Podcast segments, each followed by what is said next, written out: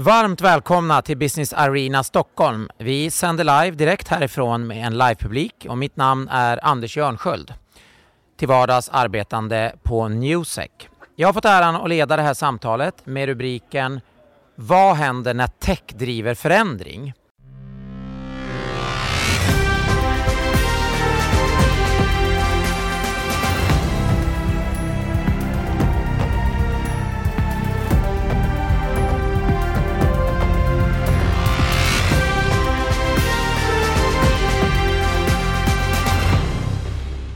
Då säger jag varmt välkomna till er som sitter här runt borden. Och vi har då Pelle Tunnell från Plant, vi har Tony Strand från Sensativ och vi har Roger Toft från branschorganisationen PropTech Sweden.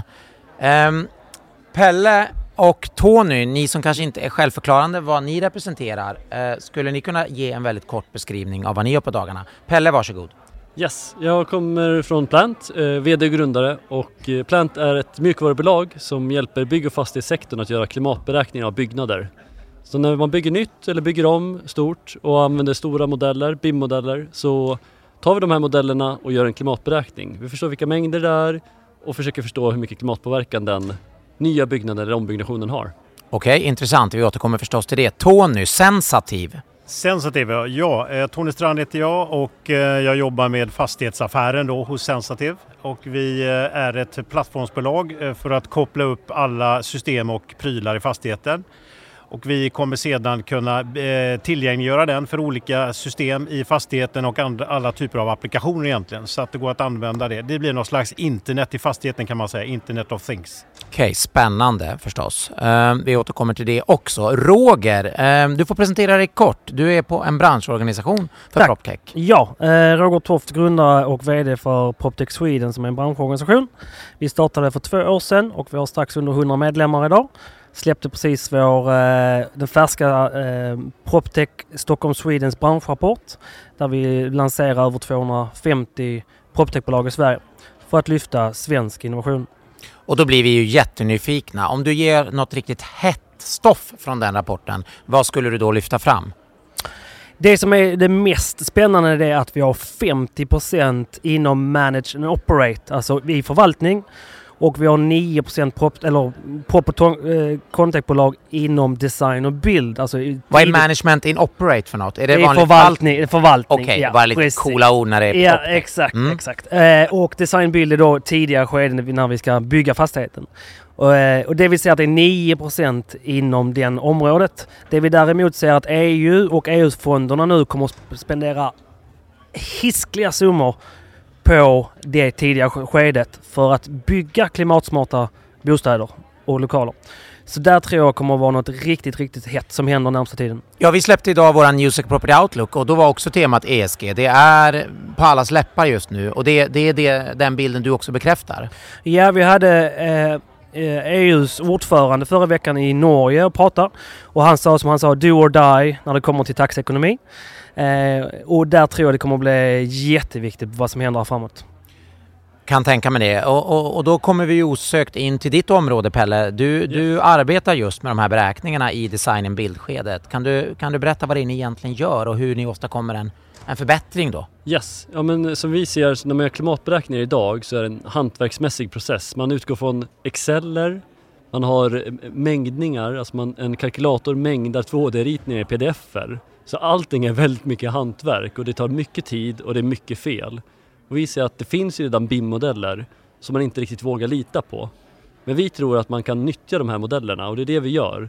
Så vi tar in modeller, laddar in dem i vårt system, tar inte in dem in i Excel utan då fokuserar på att ta ut de här mängderna. För att då får vi mängderna korrekt och kan vara transparenta hur vi räknar ut dem och då få koppling till arkitekt och konstruktör så de förstår vad de för mängder vad de har då kommer de kunna mycket snabbare testa många olika idéer hur de kan förändra byggnaden för att då minska klimatpåverkan. Så det blir liksom en till del i deras designarbete. Så, så det här blir ett sätt att jobba agilt kan man säga i Verkligen designarbetet? Så. du får direkt återkoppling ja, på problemlösning? Ja exakt, istället för att göra en klimatberäkning i slutet av projektet så kan man jobba med successiva förändringar och få liksom snabba svar på vad händer när jag byter den här balken? Eh, Och det klarar inte den, den eh, klassiska traditionella programvaran som Nej. man har använt. Nej, den, den klassiska ma- m- programvaran inom klimatberäkning den fokuserar på material, att man ska få emissionsfaktorer och den fokuserar inte på mängder. Men problemet är ju att när man, när man gör en mängdning, liksom att göra den processen, det gör man bara någon gång, kanske i, i, i samband med att ta fram en kostnadskalkyl för projektet. Och det är alldeles för sent. Man vill mycket, mycket tidigare och göra många, många fler test och, och agilt jobba med, med problemet. Eh, Tony, det låter som att data och återkoppling från datan är det som, som egentligen driver den här förändringen. Ehm, kan du berätta lite mer om det? Man, man, man, eh, som lekman så storknar man ju över alla system och, och data och big data. Det känns som att man aldrig får något någon liksom grepp om det. Är det lätt med din applikation? Ja, det är det ju såklart. Men det är som du säger att det som har varit och är problemet det är ju att många har byggt väldigt många olika system i fastigheten och då har man liksom eh, gjort det helt separat och med väldigt olika kvalitetskrav också ska jag säga. Så det finns ingen enhetlig kvalitet och det finns väldigt många system som inte kan prata med varandra. Och idag när vi behöver lösa saker mellan olika system så kan man inte göra det då. Så vad vi gör egentligen är att vi, vi tar om hand om all data i fastigheten, det som man egentligen pratat om ganska länge då. Det här att man vill ta kontrollen över datan så att vi får upp datan eh, i cloud. Och när vi får upp datan i cloud så blir det lite grann samma effekt som dig Pelle. Att man kan faktiskt jobba väldigt mycket mer agilt när det gäller vilken typ av applikation man vill ha. Och jag som lekman och till alla lyssnare, vad betyder det att få upp datan i cloud? Okej, det betyder egentligen att för att kunna göra någonting med datan så måste man ha den tillgänglig. Ta till exempel energieffektivisering. För att kunna göra det på ett smart sätt så behöver man förstås veta hur värmesystemet fungerar. Men man behöver också kanske hämta data från, från utsidan. Vi alla har, är väl så att säga, bekanta med att man kanske vill veta vad energipriserna är vid en, vid en viss tidpunkt. För att kunna säkerställa att man optimerar då energieffektivisering på ett bra sätt. Ju. Så att ju mer data man har som kan förbättra de beslut som systemet tar, som sker automatiskt, desto bättre blir utfallet då.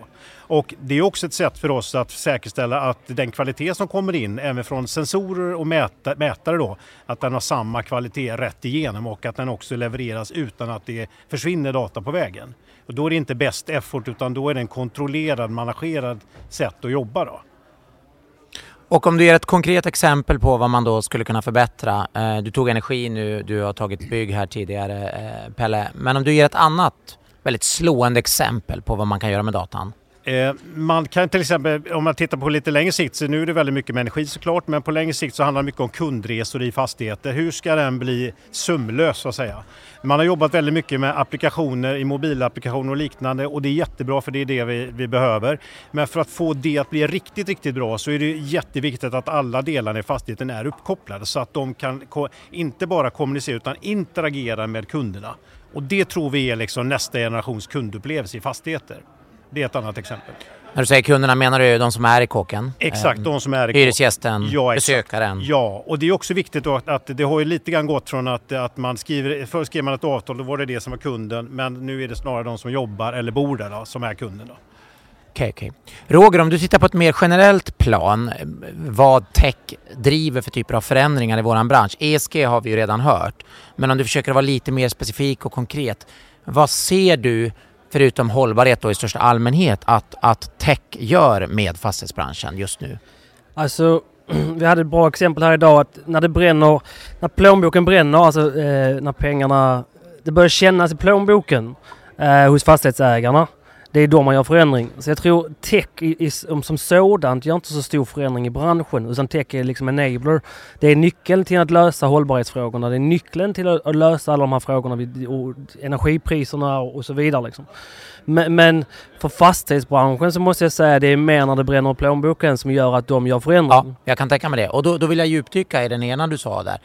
På vilket sätt tror du nu att eh, tech kan förbättra el, eh, elförbrukningssituationen som, som nu är på alla släppar? Det är en väldigt konkret... Mycket konkret. Vi har, vi har ett exempel vet jag i Wihlborgs. Nu är jag ju liksom ingen ingenjör. Så jag, jag är ju Okej, liksom, då kanske vi andra förstår. så, så det vi har förstått nere i Wihlborgs fastigheter nere i Malmö till exempel så använder de värme och kyla på ett mycket, mycket bättre sätt. Och på det sättet så kan de hålla nere energin och priserna. Så att man har gjort någon typ av lösning av system eh, för att liksom det här ska liksom balanseras. Så kylan kyler ner värmen när det är för varmt och tvärtom. Liksom. Så den balansen blir. Så det är ett, ett sätt eh, som verkligen vi kan eh, på nu och framåt säga att det här är något som fungerar och fungerar för energipriserna. Och där, står, där är det någon form av applikation då som, som eh, liksom optimerar det här? Och, Ja, applikation och applikation. De har gjort utifrån ett system, ja, alltså plattform och så vidare och så vidare som, som man pratar om idag. Men jag, jag har också ett, liksom, en konkret grej där kring energi, energidelarna. Att, eh, ja, men som egentligen båda ni är inne på. Att, att liksom, klimatpåverkan från energi är ju som mest när man nyttjar energi under en effekttopp. För då kommer man köra igång massa dieselverk och man kör massa skitdålig energi från klimatperspektiv. Det är också dyrt. Så det är liksom, där går de hand i hand. Pris och klimat går liksom... Det är kast att göra det på en energitopp. Om man har ett system som är liksom sensitivt som kan då koppla upp fastigheten och förstå att här kommer det komma en effekttopp. Vi måste hålla oss undan från den både för klimat och för ekonomi. Och då använda liksom, eh, eh, liksom indikatorer som säger att kan förutspå hur energieffektiviteten på hela systemet ser ut. Då kommer man också dimensionera med, ner systemen så man slipper den här effekttoppen. Man minskar också priset på effekttoppen för alla. Så det är liksom inte bara för sig själv man gör världen lite härligare att vara utan det blir för alla som priset blir bättre och man kan då nyttja till exempel mer grön energi där man ser att har vi bra billig energi på natten som det blåser då kan vi nyttja den för att ha pre- pressa in i, i liksom byggnader. Det känns som att ni alla återkommer mycket till att information och data som tillgängliggörs är nyckeln och att man får återkoppling och därmed kan jobba mycket smartare och, och snabbare. Eh, Tony, du som, du som då verkligen ägnar dina dagar åt det här med dataframtagning. Eh, hur, hur kan man kan du på något enkelt sätt beskriva hur man kan tillgängliggöra data? För jag upplever ofta att det som är big data och annat, det blir för stort och för svårt så att människors begränsade rationalitet och annat kan ändå inte använda det. Kan, du, kan du på något enkelt sätt beskriva hur data faktiskt hamnar i ett användbart format? Det kan man absolut göra. Eh, vi har ju valt att jobba med, en standard som, eh, som många andra gör, eh, som heter Fireware, som är en europeisk standard för Fireware. Fireware, Future Internet Ware, Okej, som är ett europeiskt initiativ som har stöttats ganska mycket av EU till exempel, som ska vara ett alternativ till amerikanska techgiganterna då. Eh, och då, då översätter vi egentligen allt som kommer utifrån till samma språk. Och sen kan vi översätta det till det som applikationen behöver. Eller om det är så att man har en datastruktur som till exempel heter Real Estate Core så kan man även göra det. Då. Det gör vi till exempel med Castellum eh, som ett exempel. Då. Eh, och eh, sen har du hela, hela biten om, om att liksom, hur ska du få in alla data? Då? Det är också en viktig del. Det är egentligen en process kan man säga att säkerställa att det funkar på ett bra sätt. Men vad vi gör är att vi automatiserar dels själva uppkopplingen av prylarna men också sättet att tolka data. Då. Och då använder vi en automatiserad process till stor del, vilket gör att det går åt mindre timmar att eh, programmera de här systemen eh, än vad man, vad man gör så att säga, idag. Och det blir mycket enklare också för du har liksom ett gränssnitt att jobba mot då. Eh, så att man har en väldigt mycket enklare situation och det gör också att du får en bättre ekonomi i det. Och tittar vi nu när det är liksom energikris och klimatkris så är det viktigt att man kommer ut snabbt med energieffektivisering. Eh, kan vi kapa tiden med hälften för integrationen så har vi sparat jättemycket för alla inblandade, inklusive samhället då, tänker jag. Okej, och, och rent konkret för slutanvändaren, vad tittar han eller hon på? Eh, är det som alla andra en mobilapplikation? Eh, när vi jobbar, då jobbar vi med, med eh, applikationsleverantörer. Det kan vara till exempel Sally R eller det kan vara Danfoss Leanheat eller det kan vara något bolag som heter Newit som jobbar med, eh, med eh, desk management på kontor. Eh, Det, det handlar egentligen om att våra, våra så partners som jobbar med de här applikationerna löser ju det och så levererar vi egentligen över den datan som de behöver. Men, men det som skiljer sig egentligen från det tidigare är att vi kommer inte plocka fram massa dashboards och bilder som alla ska sitta och titta på. Utan vi vill egentligen bara ha när det blir problem eller när man ska lösa någonting. Det är då det ska synas. Så egentligen, ska, jag tror Castellan kallar det för kognitiv byggnad då. Den ska funka av sig själv liksom. Och är det så att man behöver hjälp då säger man till. Och då kanske man till och med säger till Okej. innan det händer. Så datan används också till att datan själv med algoritmer faktiskt ska, ska vidta åtgärder? Exakt. Så det är inte bara att människan hela tiden ska titta på data? Nej, utan den övervakas över tid. För det är också när man är i driftläge så handlar det väldigt mycket om att få en bra upplevelse för kunderna i fastigheten som vi pratade om innan. Och det gör man genom att reparera saker innan de går sönder eller åtminstone före någon ringer in och klagar på att Okej, inte Och det är det som ibland kallas AI bland annat? Exakt. Okej. Ja. Precis. Att maskinen lär och agerar. Ja, så att du blir Okej. proaktiv då. Ja, jag förstår. Roger, om vi zoomar ut lite, du som till eh, hör och företräder ett branschorgan inom PropTech. Eh, anser du att våran bransch är före, efter eller ungefär lika med övriga branscher när det gäller att driva förändring med hjälp av tech? Jag tror att man ligger med en stor teknikskuld. Eh, Inom vilka områden framför allt då, om vi ska försöka vara konkreta hela tiden? fastighetsbranschen. Mm.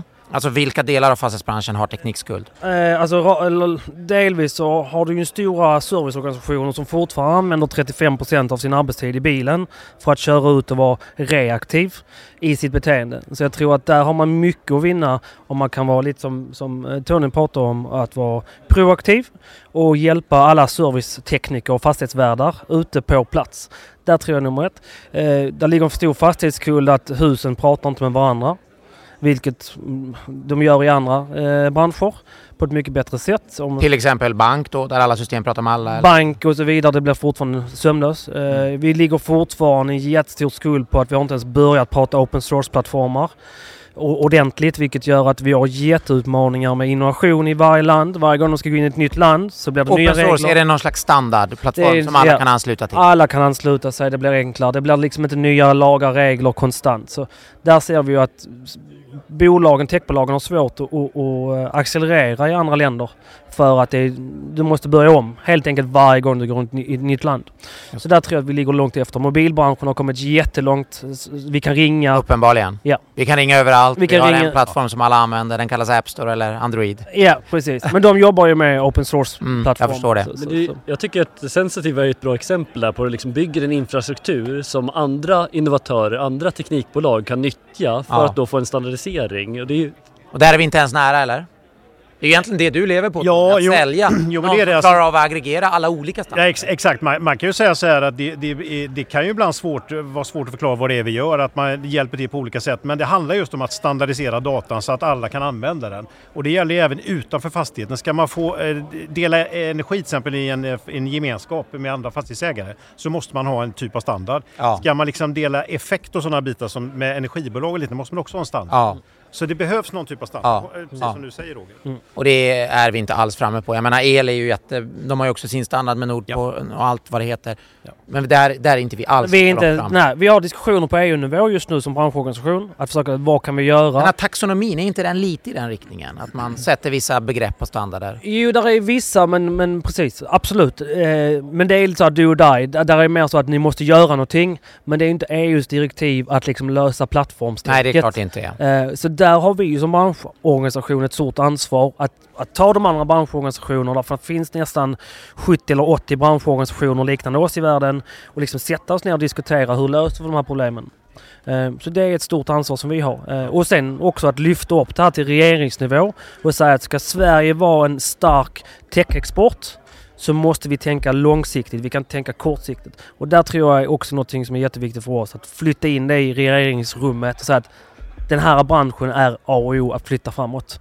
Just Där- det. mm. Just det. Så det är ett stort ansvar vi har. Och det är ganska intressant att du säger det för att precis just det händer i Tyskland. När man pratar om öppen källkodprogrammering och liknande. Ska man få stöd från staten eller, från regionerna där så, så måste man ha uppfyllt det och använda det. Så man ställer krav på öppen infrastruktur. Exakt, Mm. exakt. Spännande och eh, man måste ju konstatera och säga avslutningsvis att ni gör ju en fantastisk insats för att driva de här frågorna framåt. Så jag tycker vi tackar er, Pelle Tunnell, Tony Strand och Roger Toft. Eh, och med de orden så avslutar jag härifrån Business Arena Stockholm.